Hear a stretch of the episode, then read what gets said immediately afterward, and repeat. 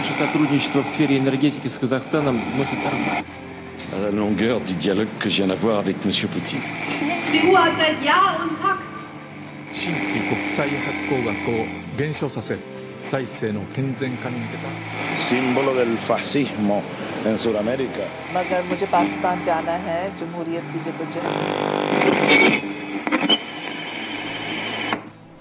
Konfliktene i verden er mange men noen utmerker seg som spesielt alvorlige med hensyn til intensitet, dekning og varighet. I denne utgaven av utenriksmagasinet MIR skal vi ta for oss konflikten mellom Israel og Palestina.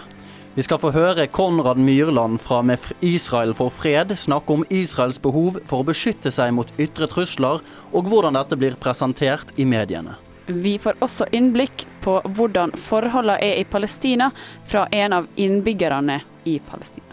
Og vi skal ikke minst få høre en kommentar fra deg, Katrine Lunde, der du tar et farvel med Ariel Sharon.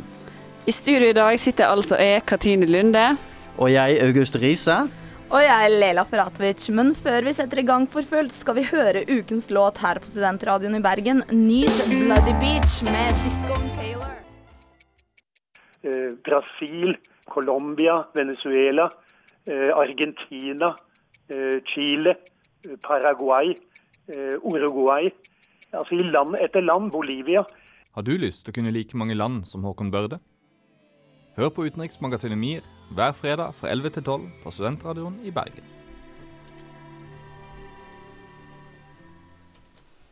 Du hører også på utenriksmagasinet MIR, og vi har eh, Israel-Palestina-sending i dag. Og først ut i rekka er du, Leila Foratovic. Kan du fortelle litt hvem du har snakka med i dag? Jeg har snakket med Konrad Myrland om eh, hvorfor eh, det å støtte Israel er så viktig.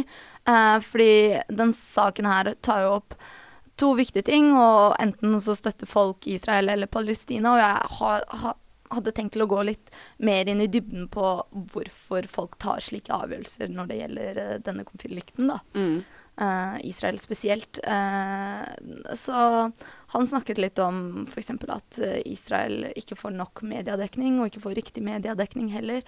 Så det er, eh, det er på en måte å komme inn i den greia for hvorfor noen velger å støtte Israel, eller, okay. og ikke Palestina. Ta og Hør litt på det, da. Ja, Her det, er. Leila Feratovic.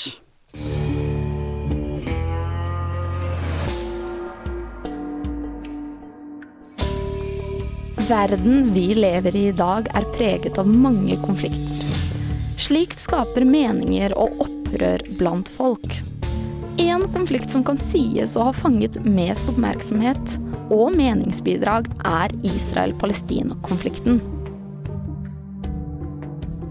Folk flest har et klart synspunkt om konflikten og har valgt en klar side. Det er så enkelt som at folk mener at enten Palestina eller Israel har rett. Hva som egentlig stemmer, skal vi ikke diskutere nå. Det er opp til deg å ta et gjennomtenkt, rasjonelt standpunkt. Det som derimot er interessant å se på, er nettopp hvorfor folk støtter den ene eller den andre parten. Venner av Israel mener f.eks. at jødene har rett til å ha en egen stat, mens pro-Palestina-siden vil si at den israelske staten driver etnisk rensing av det palestinske folk. Som sagt, det er flere sider i denne konflikten, og det kan være vanskelig å ta et valg som ikke er basert på samvittighet eller andre typer følelser. Konrad Myrland, daglig leder av den norske organisasjonen Med Israel for fred, en Israel-vennlig organisasjon, sier at formålet med organisasjonen er å skape forståelse for konflikten og sympati med det israelske folket. Ja, Hovedmålet for Med Israel for fred er å skape større forståelse og sympati for Israel og det jødiske folk. Det har vært vårt formål helt siden starten. Grunnen til mangel på forståelse, mener han, er at det foregår en urettferdig og feildekning av konflikten, og at media er som oftest pro-Palestina. Det som er saken er at Israel blir utsatt for et enormt urett, enorm urettferdig dekning og behandling i norsk medier og i norsk uh, politikk. Veldig mange sitter med et grunnleggende falskt bilde. Og, og, Derfor er det så viktig med en organisasjon som er Israel for fred, som kan korrigere og balansere det bildet som så mange har. Det at mange mener at media gir et feil bilde av Israel og hele konflikten, er jo en grunn til at folk velger å støtte Israel. Jeg hadde derimot også lyst til å finne andre grunner til at denne organisasjonen ble opprettet. Mye av det organisasjonen jobber med, er å bruke bakgrunnen til det jødiske folk og hvorfor akkurat de har rett til en egen stat. Både historisk og politisk, svarer Myrland. I utgangspunktet tenker jeg sånn at eh, jo mer et folkeslag blir forfulgt og diskriminert og utestengt fra de i, fra de landene der de bor, jo, jo større er deres uh, moralske rett til å kunne få et, et område hvor de kan uh, styre seg selv og sin egen skjebne. Han trekker også fram at jødene har blitt forfulgt av arabere i lang tid, og dette har ikke kommet godt nok fram i media når det kommer til dagens konflikt et faktum som er veldig lite framme i norsk debatt om Israel, det er eh, jødenes historie i arabiske land og jødenes flukt fra arabiske land i, i, din, i dine foreldres og mine besteforeldres levetid. Altså, På 1940-tallet så var det ca. 1 million jøder i arabiske land fra Marokko i vest til Irak i øst. I dag er det mindre enn 10 000 igjen. Her er det også en tydelig moral om hva som er rettferdig overfor det jødiske folk, som har hatt en vanskelig historie. Dette mener Konrad Myrland rettferdiggjør en israelsk stat og deres politikk, og ikke minst deres plass i Midtøsten. Men finnes det da en løsning på det hele? Hva er riktig og hva er galt i denne situasjonen? Konrad Myrland og Med Israel for fred mener at konflikten må løses med direkte forhandlinger mellom partene. Uh, og, og, vi ønsker at, og, at, konflikten kan løses i direkte forhandlinger mellom partene. Om det så er tilfellet, hvordan vil en slik løsning se ut? Når det da kommer til uh, spørsmål om hvor, hvordan grensene for en slik Eh, stat skal være, og hvordan den skal forsvare seg osv., så, så så blir det uh, underordna spørsmål. og Det, det må av, avklares i forhandlinger.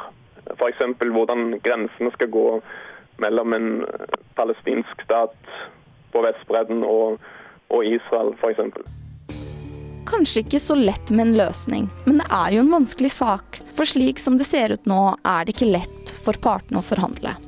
Vi snakker jo tross alt om en av verdens mektigste og rikeste militærmakter mot en liten etnisk gruppe.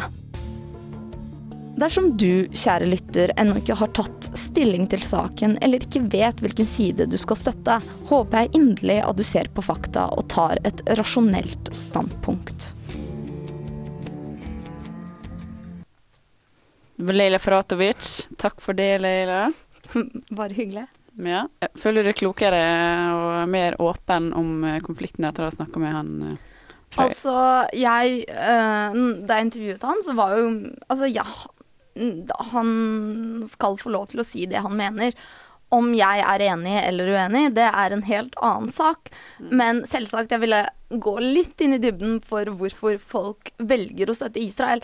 Og for meg munner dette her ut i David mot Goliat, liksom. Det er ikke, det er ikke en rettferdig kamp. Nei. Uh, på noen som helst måte. Men David, David vant jo. Ja, men uh, uansett, før han vant, så var det mm. David og Goliat. Jeg beklager, det var ja, ja. dårlig. Det var, det var, en god beskrivelse, Leila. Mm. Nei, men jeg, jeg, må eh, Jeg tenker Når du sier det at eh, du oppfordrer lytteren til å være så vennlig og så uh, fatte et rasjonelt valg med hensyn til hvem man skal støtte i denne konflikten, og det skal man jo slett ikke ta som en selvfølge. For det er altså da bl.a. i USA en del uh, Man kan vel kalle de fundamentalistiske kristne som mm. uh, som heier veldig på Israel, da, kan man si. ikke fordi at de har satt seg inn i politikken eller de faktiske forhold, men fordi det står i Bibelen at Israel må eksistere for at Jesus skal komme tilbake for å dømme levende og døde. Men det er Mhm. sionistene. Nei, sionistene er jo eh, de Ja, eller det er jo for så vidt Israelsforkjemperne, som er jøder, hvis jeg ikke tar Jo, feil. jo, det er jøder Mm. som mener at, at jødene skal ha en egen stat, det er sionister. Men i, i USA så er det vel noen kristne fundamentalister som, eh, som mener at det er altså, For det står da altså i Bibelen at eh, Israel spiller en eller annen rolle når Jesus kommer tilbake. Så derfor ønsker de da en stat. Mm. Staten Israel. Utelukkende av den grunn. Og det er jo da um, om ikke man skal kalle det overtro, så er det jo kanskje ikke så smart, og i, i hvert fall i opplyste samfunn regner vi det ikke som så veldig smart å basere beslutninger på religiøs oppfatning. Ja. Men kan jeg bare si en ting? Israel fantes ikke når Jesus uh, fantes. Nei, nei, I hvert fall ikke staten i det som kalles Israel i dag. Eh, men kjernen er jo Jeru Jerusalem, Mm. Eh, så det er det de baserer det på. Likevel er jeg enig i slike Altså, det er ikke en rettferdiggjøring på noen som helst måte for hvem som har rett og hvem som har galt. Og når jeg snakker om rasjonelle Altså, en rasjonell mening er jo det at eh, folk setter seg inn i politikken. Hva er det som skjer? Hvem er det som virkelig har rett i denne saken? Hvordan blir palestinerne behandlet? Hvordan forsvarer israelerne, israelerne seg? Så det er, jo, ikke sant? det er jo det. Og det Konrad Myrland snakker mye om her, er, minner mer, mer om samvittighetspolitikk og moral. Sånn, Mm. De har blitt forfulgt i mange tusen år, derfor skal de ha rett til en egen stat. Eh, nå skal ikke jeg hevde at de ikke har hatt en vanskelig historie. Det er bare eh, sånn samvittighetspolitikk som jeg mener ikke passer til det som foregår i dag i Israel og Palestina. Det er litt den samme type resonnering som leder til ja, det har alltid vært krig mellom arabere og europeere.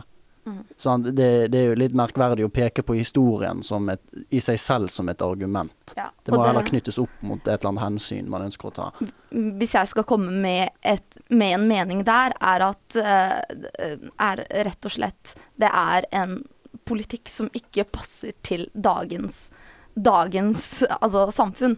Det er noe å gå tilbake i tid og trekke fram ting som ikke foregår nå, og som absolutt ikke har noe med verken Israel eller Palestina å gjøre. Ja, for det, men det som skjedde på andre verdenskrig, det, det, eller i, under andre verdenskrig, det er jo veldig lenge siden. Og det finnes jo veldig mange minoritetsgrupper i dag som ønsker seg sin egen stat og burde kanskje fått det.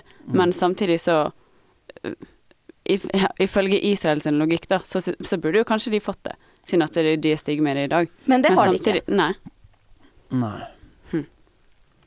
Men øh, skal vi gå til øh, ukens øh, album, kanskje? La oss gjøre det. Kjør på. The Thief, uh, We Used to Dance, uh, Modern Hearts, uh, skal vi se Don't Beat.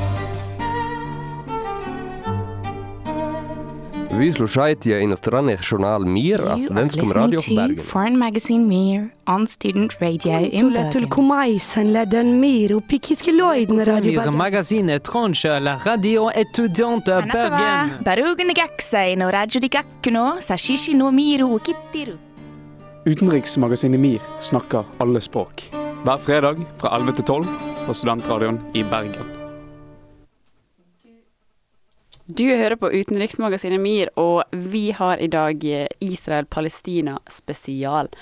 Eh, før eh, pausen der hørte du The Thief, We Used to Dance med Modern Hearts Don't Beat. Ehm, nå skal vi ha et, en reportasje fra Palestina. Det er vår medarbeider Aisha Marie Heim som har snakka med 19 år gamle Saji, som er politisk engasjert teaterstudent og studerer i Tunisia. Det blir spennende. Ja, Mm. han er fra Palestina. Ja, Palestina, var ikke det jeg sa? Jo, Jo, jo, Men han, men stu ja. han studerer i eh, Tunisia. Å ja, ja. Beklager. Ja. Beklager. Som mange andre palestinere har han eh, håper å si, en eh, situasjon hjemme, og så, men så må han ut for å kunne gjøre alminnelige ting som vi tar for gitt her. Mm, absolutt. Mm. Og ja, det, jeg tror vi tar og hører på det, så kan vi diskutere litt etterpå. Uh, hello, I'm Saji Fuad from Palestine, Jerusalem. Um, I'm 19 years old. I'm studying drama and theater in Tunis at the Institute Superior of Dramatic Arts. And that's it. Saji er 19 år gammel, født i Jerusalem og vokste opp i Ramallah på Vestbredden i Palestina. For øyeblikket studerer han scenekunst i Tunisia, Og det er han jeg har snakka med for å få et nærmere bilde av hvordan konflikten føles for han og den unge generasjonen i Palestina. Saji ble født i Jerusalem og fikk et israelsk pass og identifikasjonsdokument ved fødselen. Men til tross for de her papirene og fordelene det tilsynelatende skulle gitt, forklarer han hvordan det å være palestiner påvirker det Saji mener er sine rettigheter. Because I was born in Jerusalem, I uh, took the Israeli passport ID uh, immediately when I was born. But at the still ti- uh, at the um, at the same time, I still have a lot of problems with the Israeli government and uh, policies. Uh, so when they knew that I'm live, um, I moved out to, to Tunisia and I'm studying there. Uh, when I came last summer to visit to visit my parents, they told me you don't have the right to travel outside the country, uh, and they put me they um, they put me in Jerusalem uh, for six months, and I couldn't travel anywhere until I um, had a lawyer and I went to court and all that stuff. So even though uh, I have the right as a Palestinian young guy who has the Israeli passport, but because I'm Palestinian, even though I have the Israeli passport, I still struggle. Even though I have the same rights, because I pay taxes, I pay uh, money for the insurance, I pay um, all the taxes that uh, I should pay for the for the Israeli government. Even though because I'm uh, I am Palestinian and Arab, I still have a lot of uh, problems with that, and that made some problems with my studying here in Tunis. I was late for my school for two months, and uh, that uh, really caused a big, big problem for me. So even though you are a Palestinian having a, a Palestinian ID or a passport, or you are a Palestinian a Palestinian having an Israeli travel document or passport, you're still having the same conflict. While we listen to tunes made by ignorant fools, Israel blocked the UN from delivering food. Vestbredden og Gaza har ikke geografisk tilknytning. Og i valget i 2006 vistes det tydelig at Hamas hadde stort fotfeste i Gaza. De fikk kontroll der, mens Al-Fatah, som er en medlemsgruppe i den palestinske frigjøringsorganisasjonen PLO, opprettholdt kontrollen over Vestbredden. Jeg spurte Saji om den politiske situasjonen i Palestina nå, og forholdet mellom Vestbredden og Gaza. Yeah, well, um, for me as a young guy, I really don't know uh, if there is a connection between the West Bank and uh, and Gaza Strip. Maybe there is a political uh, connection, but a connection between the young people. I, I really don't think uh, there is a connection, but. Lately because uh, if you have ever heard of uh, the one, the Palestinian guy who won at Arab Idol, he, he's a Palestinian from Gaza. When he won and he took the the first uh, the first stop or I don't know what, uh, there was a little bit connection between the Palestinians in the West Bank and the, uh, and in Gaza. But now, as a political situation in, in the West Bank, because I live there, most of the young people they do, they really don't care about what is going on in uh, the West Bank or in Gaza or whatever. The only thing that they matter or they think about is um, having money, having new cars, uh, having good uh, studies, uh, um, going abroad, going to uh, fancy restaurants, having fancy clothes, and all that stuff. And we can't say that all the Palestinians do that, but a big number of the Palestinians do that. So all the Palestinian guys, uh, young guys and girls now, they're um, like going aside of the threat that uh, they are following the, polit- the political situation, all that stuff. So I, I really can't say a lot about that because it's a really, really difficult situation, and, and that's what the Israeli occupation wanted. And um, I'm really sorry to say that they almost got it.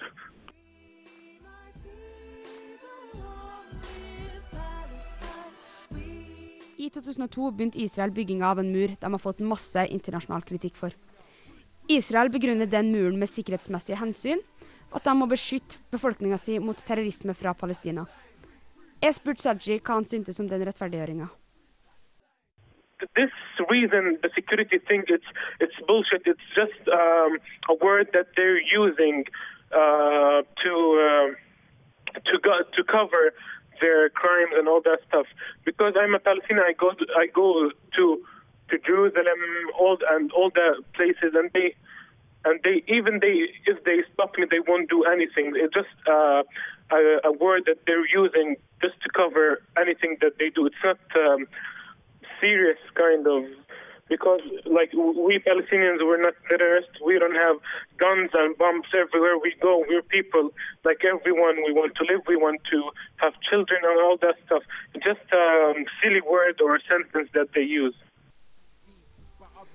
Jeg var spent på å høre hvordan palestinere, og da gjerne i Saji sin generasjon, så på israelsk politikk.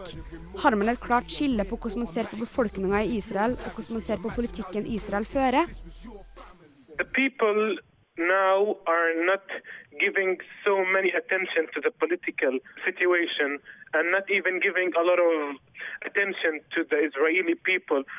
Uh, now what is going on is that everyone is, get, is getting him or his uh, own attention. Uh, they only want to care about themselves, the people. They don't care, they don't want to care about anyone else. They just want to care about themselves. They want to get money to eat and drink and blah blah blah blah, and not to uh, give any attention to anything or any cause uh, uh, in the country.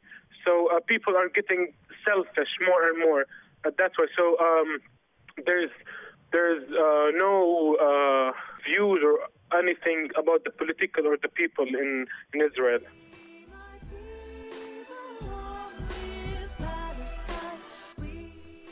Helt til slutt lurte jeg på hva Saji, en 19 år gammel politisk engasjert teaterstudent, har å si når jeg spør han om hans framtidshåp for Palestina. I hope for, for Palestine the best. I hope that I hope for the leaders of Palestine to think uh, about their uh, people, about their land, not about their money, not about their own projects, about their own things. All the leaders, all, all the Palestinian leaders are not giving, uh, sorry for using a word, a shit about the Palestinian co- cause. All the leaders are thinking about themselves, are, are thinking about their money, how to get more money, how to sell lands for the Israeli people to get some, I don't know what, um, uh, good papers or to, to get passports or, or, or so.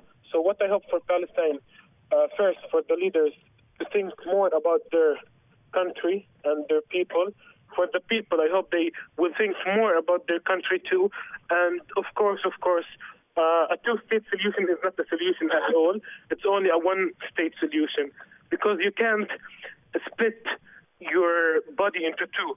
And Palestine is a body for the Palestinian, and you can split this body into two, for two people, and that's it, I think.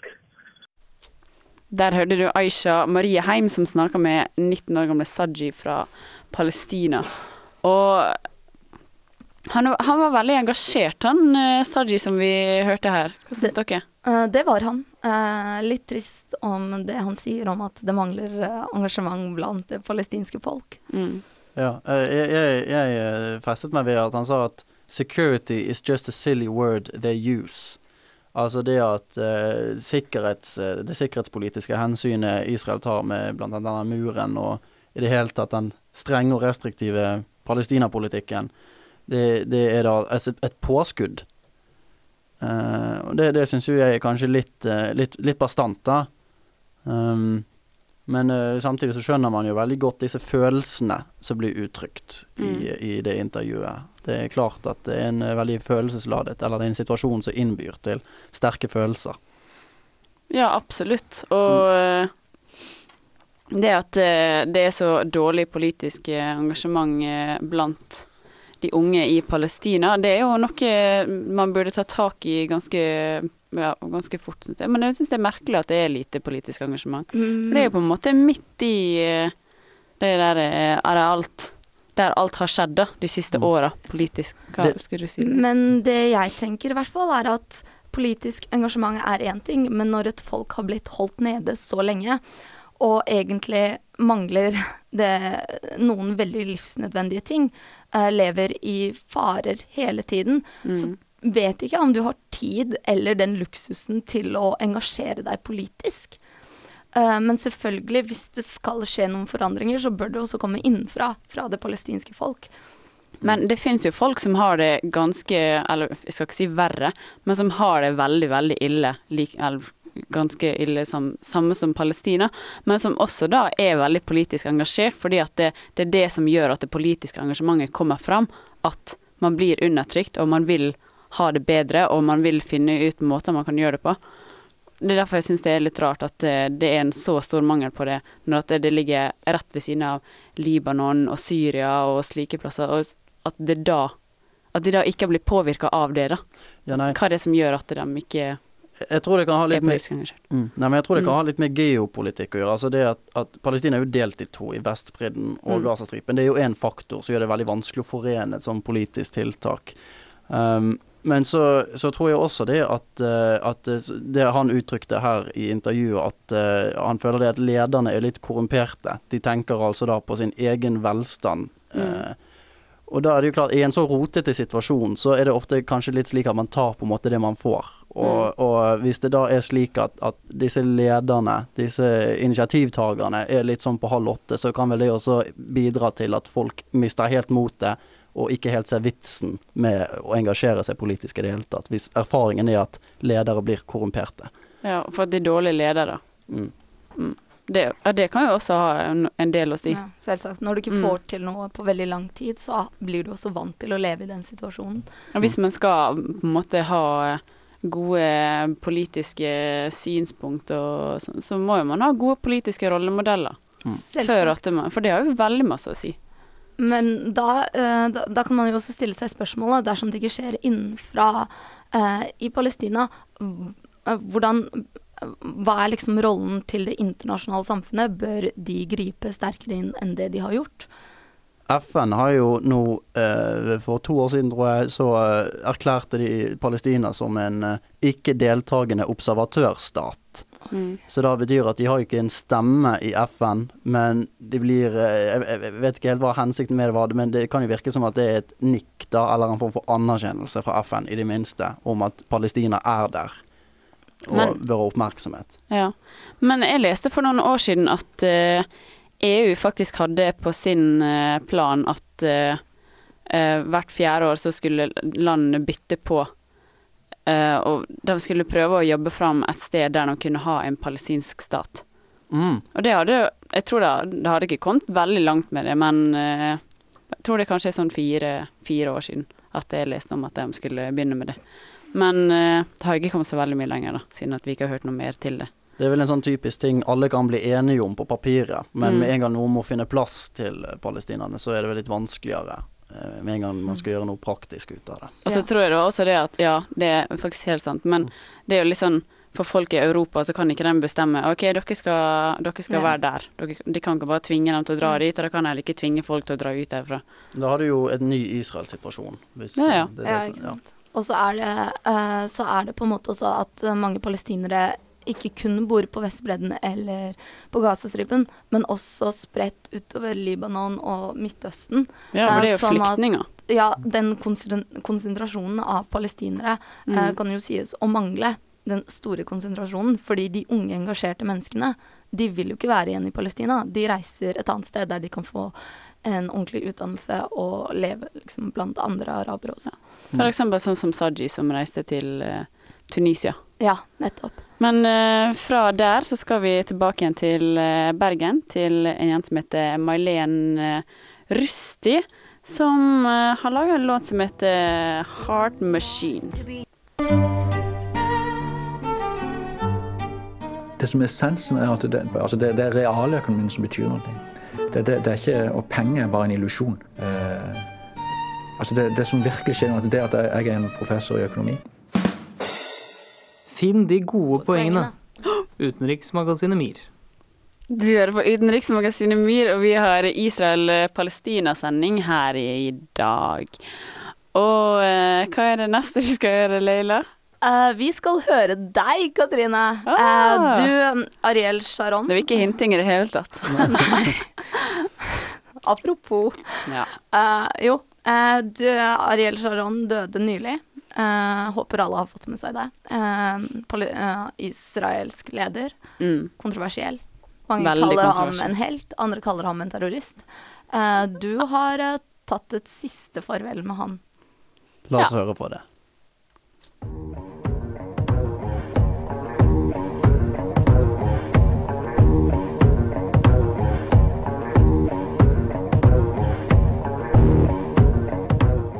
Jeg må ærlig si at jeg har hørt lite om Ariel Sharon.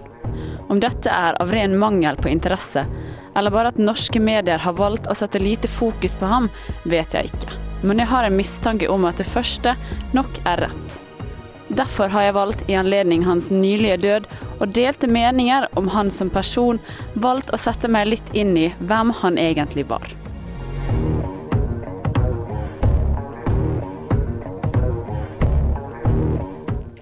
Det første jeg oppdaget med denne mannen, er de utrolige delte meningene som finnes om han. For jødene i Israel var han en folkehelt som beskyttet dem mot fiender og terrorister, og hev palestinere ut av sine hus for å gi israelske jøder et sted å bo. For palestinere, egyptere, libanesere og flere til var han en massemorder, involvert i massakrer som inkluderte eldre, kvinner, menn og barn i fire land. I tillegg kan det virke som at han var over gjennomsnittet engasjert i krig. Her kan man jo si at bevisene taler for seg selv, og jeg nevner uavhengighetskrigen, Sinai-krigen, femdagerskrigen, oktoberkrigen, også kalt Jom Kippur-krigen, og Libanon-krigen.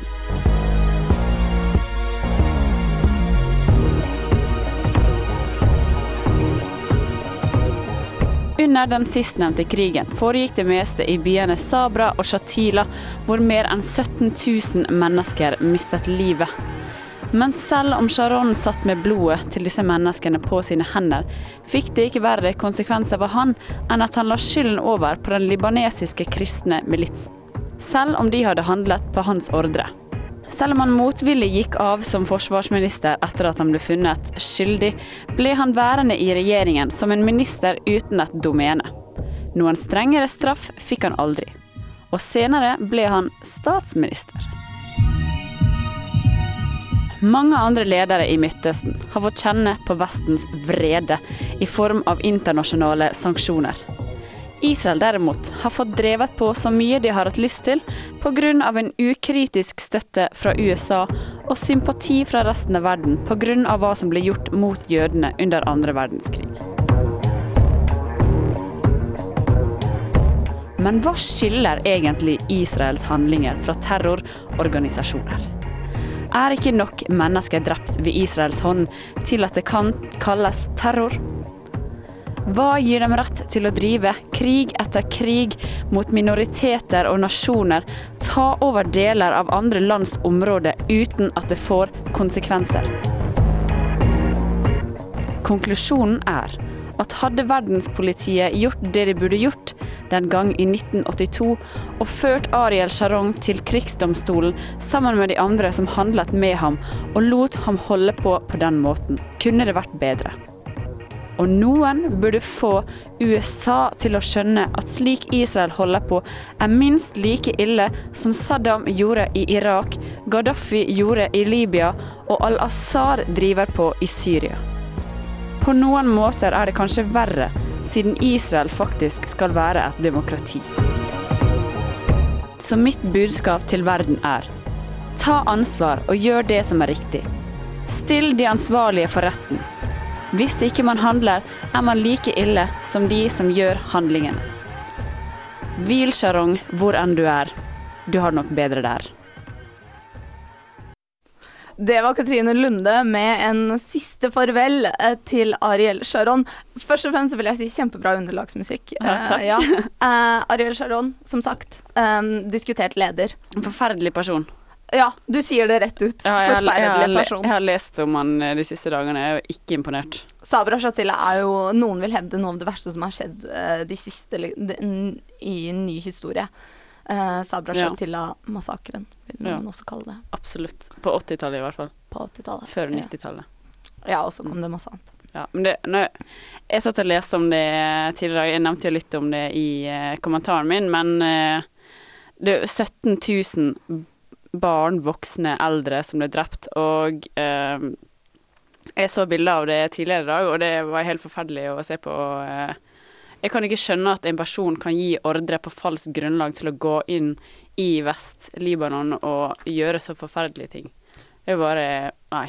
Jeg kan ikke tro det. Det var, det, var, det var snakk om en terrorhandling som han, han la skyld på PLO for en terrorhandling som egentlig en kristen fundamentalist hadde begått. Ja, det stemmer. Det var en eh, libanesisk leder som ble drept eh, dagen etter han ble valgt, eller to dager etter han ble valgt inn eh, som libanesisk leder. Og så eh, Den som hadde drept han, mente eh, Ariel Sharon var eh, fra PLO, Ja. men han var egentlig fra Libanon og var kristen. Ja. Altså kristen fundamentalist. Men, det... Men det, eh, som skjedde, var jo at eh, den eh, kristne libanesiske militsen gikk til angrep mot libanesisk PLO, og det samme gjorde Israel og gikk inn i Iran. Og så det er fortsatt Det ligger masse graver rundt omkring i hele Libanon og i sikkert Palestina også, og det er tusen, tusen menn som ble drept som aldri kom til rette. Ingen vet hvor de er hen. Det er forferdelig. Mm. Men er det, er det helt sikkert at, eh, at Ariel Sharon handlet eh, på eh, Altså mot bedre vitende? Eh, altså, han måtte gå av. Han fikk indirekte skylden for angrepet. Mm. At, det var ikke han som hadde gjort angrepet sjøl, men Nei, han nei. var eh, forsvarsminister, og eh, han måtte da handle ut ifra det han mente var sin beste interesse. Ja. Og da, de, jeg vet ikke om det var han direkte som mente at det var PLO, Mm. men det var i hvert fall noen som hadde bestemt at det var PLO som hadde gjort det. Ja. Og da eh, Jeg tror ikke Ariel Sharon ga de veldig en stor krangel på om at det, det var de som hadde gjort det, eller om det var noen andre. Men uh, dette her skjer jo mens han er eh, forsvarsminister. Mm. Etterpå så blir han valgt til statsminister. Ja. Men han har, hatt, han har hatt mange andre forskjellige ministerposter også. Okay. Men jeg må, jeg, må, jeg må bare si at det er jo en viss forskjell på å handle mot bedre vitende og Mm. handle litt drøyt basert på mangelfull in informasjon. Som Ja, er det han gjorde. da. Han, han handlet drøyt på uh, mangelfull informasjon. Men han er jo ikke den første lederen som har gjort det i verden. Det er det ikke. Det er det absolutt ikke. Så, eh, men, det, Forsvarsminister. men ja, men det er bare viktig å ha med seg at han, eh, han visste jo ikke hvem det var som var stor Altså antagelig ikke, i hvert fall. Det vet vi i hvert fall ikke, at om han visste hvem som var ansvarlig. Og, men, men det er godt mulig han visste. det, det, det, ja, det er godt mulig. Det er Ja. godt mulig.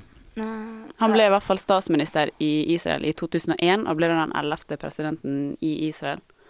Og skulle eh, settes inn som Eller skulle velges for, som sin an, uh, Skulle velges eh, i sin andre periode den, i 2006, men da fikk han et massivt uh, hjerneslag som han døde av da. Åtte år senere. Ja, han har ligget i koma hele tiden, har han ikke det? Jo, jeg tror det. Og, eh, Jeg mener at, eh, at, at det, var, det var da kunstig koma. Egentlig så var han liksom Altså han måtte holdes kunstig i live, da. Jeg tror ikke det var det. Å, Jeg, det var tror, det var, jeg tror han var fullt, fullt levende. Eller så tror jeg de hadde dratt ut plugg, pluggen for lenge siden. Ja, for han var jo i den det koma åtte år. Og da, OK. Ja. Beklager, det er jeg som tar feil. Nei, det var ikke for å rette meg, nei, nei nei, men jeg tror det, tror det er jeg som tar feil. Det er noe feilaktig informasjon. er- Ja. Der ser man igjen handler basert på ufullstendig informasjon. Det er ikke ja, alle kan gjøre feil. Det spørs bare hvor grov feil det er. Ja, det Eh, er men uansett så var det jo sånn at han dør.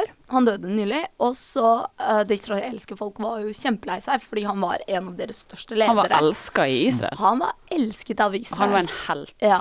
Og verdenssamfunnet, noen ledere, var litt sånn Hvordan skal vi ta farvel med han? Um, ja, klarte kanskje ikke å uttrykke i farvel, eh, farvelene med han at han faktisk ikke kanskje var så ren som han var, og kalte ham en stor leder, da. Men jeg leste, jeg leste tidligere, eh, for det som eh, Jeg gjorde jo litt research før jeg lagde den kronikken, eller, kommentaren, som jeg kaller det. Og da gikk jeg og søkte litt på forskjellige sider og sånn der, og da kommer det opp at det som jeg nettopp fortalte dere om, om det med PLO og sånn der, at det, det er en konspirasjonsteori. Ja. Fra avisen. Mhm. eh, jeg skal ikke nevne navn på avisen, men eh, det er en religiøs avis. Fra hvor i landet? Nei da. Nei, den er fra Norge. Okay, okay, okay. Men eh, de, syns, de mente i hvert fall at vi måtte slutte å tro på alle konspirasjonsteoriene om Ariel Sharon, for det var ikke sant. Likevel en av vår tids mest altså betydningsfulle ledere på Mm. vondt og godt. Han er i hvert fall en leder. Men det, men det må jo også sies at, eh, at eh, vi kan være uenige i beslutningen han har fattet og alt det, men når folk sier at han en, var en stor leder, så er vel det med hensyn til at han var veldig populær blant Ja. sitt folk. Og så må vi også Mm. ta med i betraktning jøden, altså, israelerne sin selvforståelse. Ja, ja, Eh, og at de, de forstår seg selv som et veldig utsatt folk, og da blir jo gjerne denne litt skal man si, aggressive typen blir kanskje litt eh, populær i, i, i et sånt Ja. klima som det er i Han var jo det de sin store beskytter. Mm. Altså, han, Ja. var, han var en stor mann, han var sterk, han var kriger. Han hadde, hadde alltid på en måte en slags autoritær holdning, da, som sikkert noen kan synes er trygt å ha i en leder. Men Kråkesølv syns ikke at det er så veldig rart at vi blir sprø. Her er Kråkesølv med Ikke rart vi blir sprø. Du hører på Studentradioen i Bergen, og vi er utenriksmagasinet MIR. Og de sier det så godt, ingenting forandrer seg. Men hva skal vi nå? Nå er det aktuelt! Jeg synes litt gøy det der å skjære de eh, grønnsakene litt forskjellig opp, sånn at det blir litt sånn spennende. Mer spenning i Aktuelt. Utenriksmagasinet MIR. August! Hva står på planen på Aktuelt i dag? Nei, Ukraina har jo vært i litt uh, hardt vær, da. Uh, siden Litt hardt vær? Ja, nokså hardt vær. Det er, på onsdag ble vel uh, to demonstranter drept av eh, ukrainske politi. Og det gjør jo litt at man, at man kan sette spørsmålstegn ved, ved om, om det er noen som misbruker statsmakten her. I hvert fall så har det ført til at eh, opposisjonen da med Klitsjko i, i midten Verdensmester i boksing. Ja. Eh, Det er det kuleste. Opposisjonen og presidenten Viktor Janukovitsj eh, de har sittet der i krisemøte. Eh, Men det virker Ja, det var da i dag eh, Nei, i går, torsdag. Um, så må det jo sies at det har ikke vært noen nye opptøyer nå, eller noen voldeligheter fra politiet foreløpig siden onsdag, så forhåpentligvis så, så kan det se ut til at det roer seg. Men eh, den langvarige situasjonen er fortsatt nokså usikker, må man kunne si. Men ø, jeg har lenge tenkt på Jeg har alltid trodd at Ukraina var, Ukraina var et litt sånn ustabilt land. Det er jo det, sant? Ja, det, det har vært litt Altså, det man kan si er at det er jo Makt har skiftet hender i Ukraina Mm. for det er flere anledninger. Og det er jo gjerne da man Når, når man har eh, maktrotasjon, så, eh, så tenker man som regel at det er snakk om et demokrati. I hvert fall hvis det skjer ved valg. Mm. Som det jo gjør i Ukraina. Men det som må sies, som jeg nevnte innledningsvis, at, at det er fullt mulig å, å sette et lite spørsmålstegn ved, ved hvordan statens agenter opptrer overfor eh, Mhm. demonstranter. Det, det, er Mm. mulig, det er mulig å kalle det litt udemokratiske tendenser der. Så er det i tillegg disse her diverse ukrainske partiene som eh, som da eh, har ytret litt eh, ikke veldig ja, liten respekt for demokratiske idealer, da, for å si det på den litt forsiktige måten. Fordi det som er saken nå, og mm, bare si fra hvis jeg tar feil uh, Ukraina har tatt en mer Russland-vennlig vending. Mm. Uh, dette vil ikke folket ha noe av. Uh, de vil bli mer europeiske, altså Ja. med i EU. Mm. Så konflikten startet der. Eller opptøyene startet ved det. Mm. Eh, så framtiden, som du sier, er veldig usikker. Men disse opptøyene Ja, det, det, det, det, det spørs jo nå om, eh, om ikke faktisk det eh, de, den sittende, de som sitter ved makten i Ukraina nå, om ikke de blir så skjelvne at de, at de endrer politikken, eller om det simpelthen, simpelthen eh, dette opprøret da bare kommer til å renne ut i sanden. Det, det vet man ikke. Som du sier, usikkert. Usikkert, ja. Men er vi snakker om, ja, når vi snakker om Ukraina, det, det er jo på tide med et skifte. Ja. I sånn som politikken og så hvordan Ukraina styres. For at det er jo et av eh, Det er jo det siste landet i Europa som annet har eh, dødsstraff. Noe som ikke er sånn veldig sivilisert med tanke på hvordan resten av eh, Europa Mm. fungerer. Og Og til og med de demokratisk, demokratisk valg, det sier jeg Mm. hermetegn, mm. eh, lederne, de har heller ikke vist seg å være så gode. Eh, så det, er, det, handler om et helt fullstendig skifte.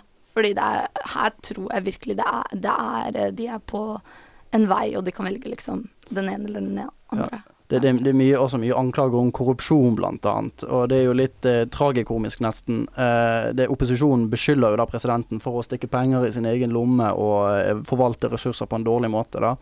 Eh, Aftenposten skrev eh, Janukovic hevder at han bor i et beskjedent hus hvor kontoret knapt har plass til barnebarna. Men opposisjonen har lagt frem sterke bevis for at han egentlig velter seg i luksus i et palass med marmorsøyler, golfbane, helikopterlandingsplass og strutser. Helikopterland- Ja, Hva skal han med strutser? Nei, er jo- Ok, strutser, ikke greit. Helikopterlandingsplass, forståelig. Hvis du først skal være en sånn Ikke egentlig. Du kan jo dra til flyplassen okay. som alle andre. Jeg tenker at Hvis du først skal være en sånn dekadent folkevalgt, så må du i hvert fall være litt mer diskré enn som så. tenker jeg. I hvert fall hvis du i hvert fall hvis du har planer om å lyve åpent Mhm. om, eh, om eiendelene dine, så bør du jo ikke ha en helikopterlandingsplass og strutse, så ja. folk kan ta bilder. Som sagt gjennomsyret av korrupsjon. Ja. Men dette temaet her skal vi faktisk ha som hovedtema i neste ukes sending, så vi må ikke ha altfor masse spoilers. Mm. Men eh, jeg tror vi kan ta en liten oppsummering på dagens sending, kanskje. Hva syns dere? Ja. Vi, um, vi Hvem, hadde hvem var det du intervjua, eksempel? Konrad Myrland fra Med Israel for fred. Mm. Og så hadde vi Aisha som snakka med Saji, 19 år, fra Palestina. Og helt til slutt så var det en liten eh, farvel til uh, vår alle ikke så kjære Ariel Sharon. Eh, du har hørt på Utenriksmagasinet MIR. Ja. I studio i dag så har det vært med Katrine Lunde. Meg, Leila Feratovic. Og jeg, August Riise. Hvis du har eh, noe du selvfølgelig har lyst til å høre den sendinga her eh, flere ganger, så kan du gå inn på srib.no slash podkast og laste ned vår podkast og flere andre hvis du har lyst til det.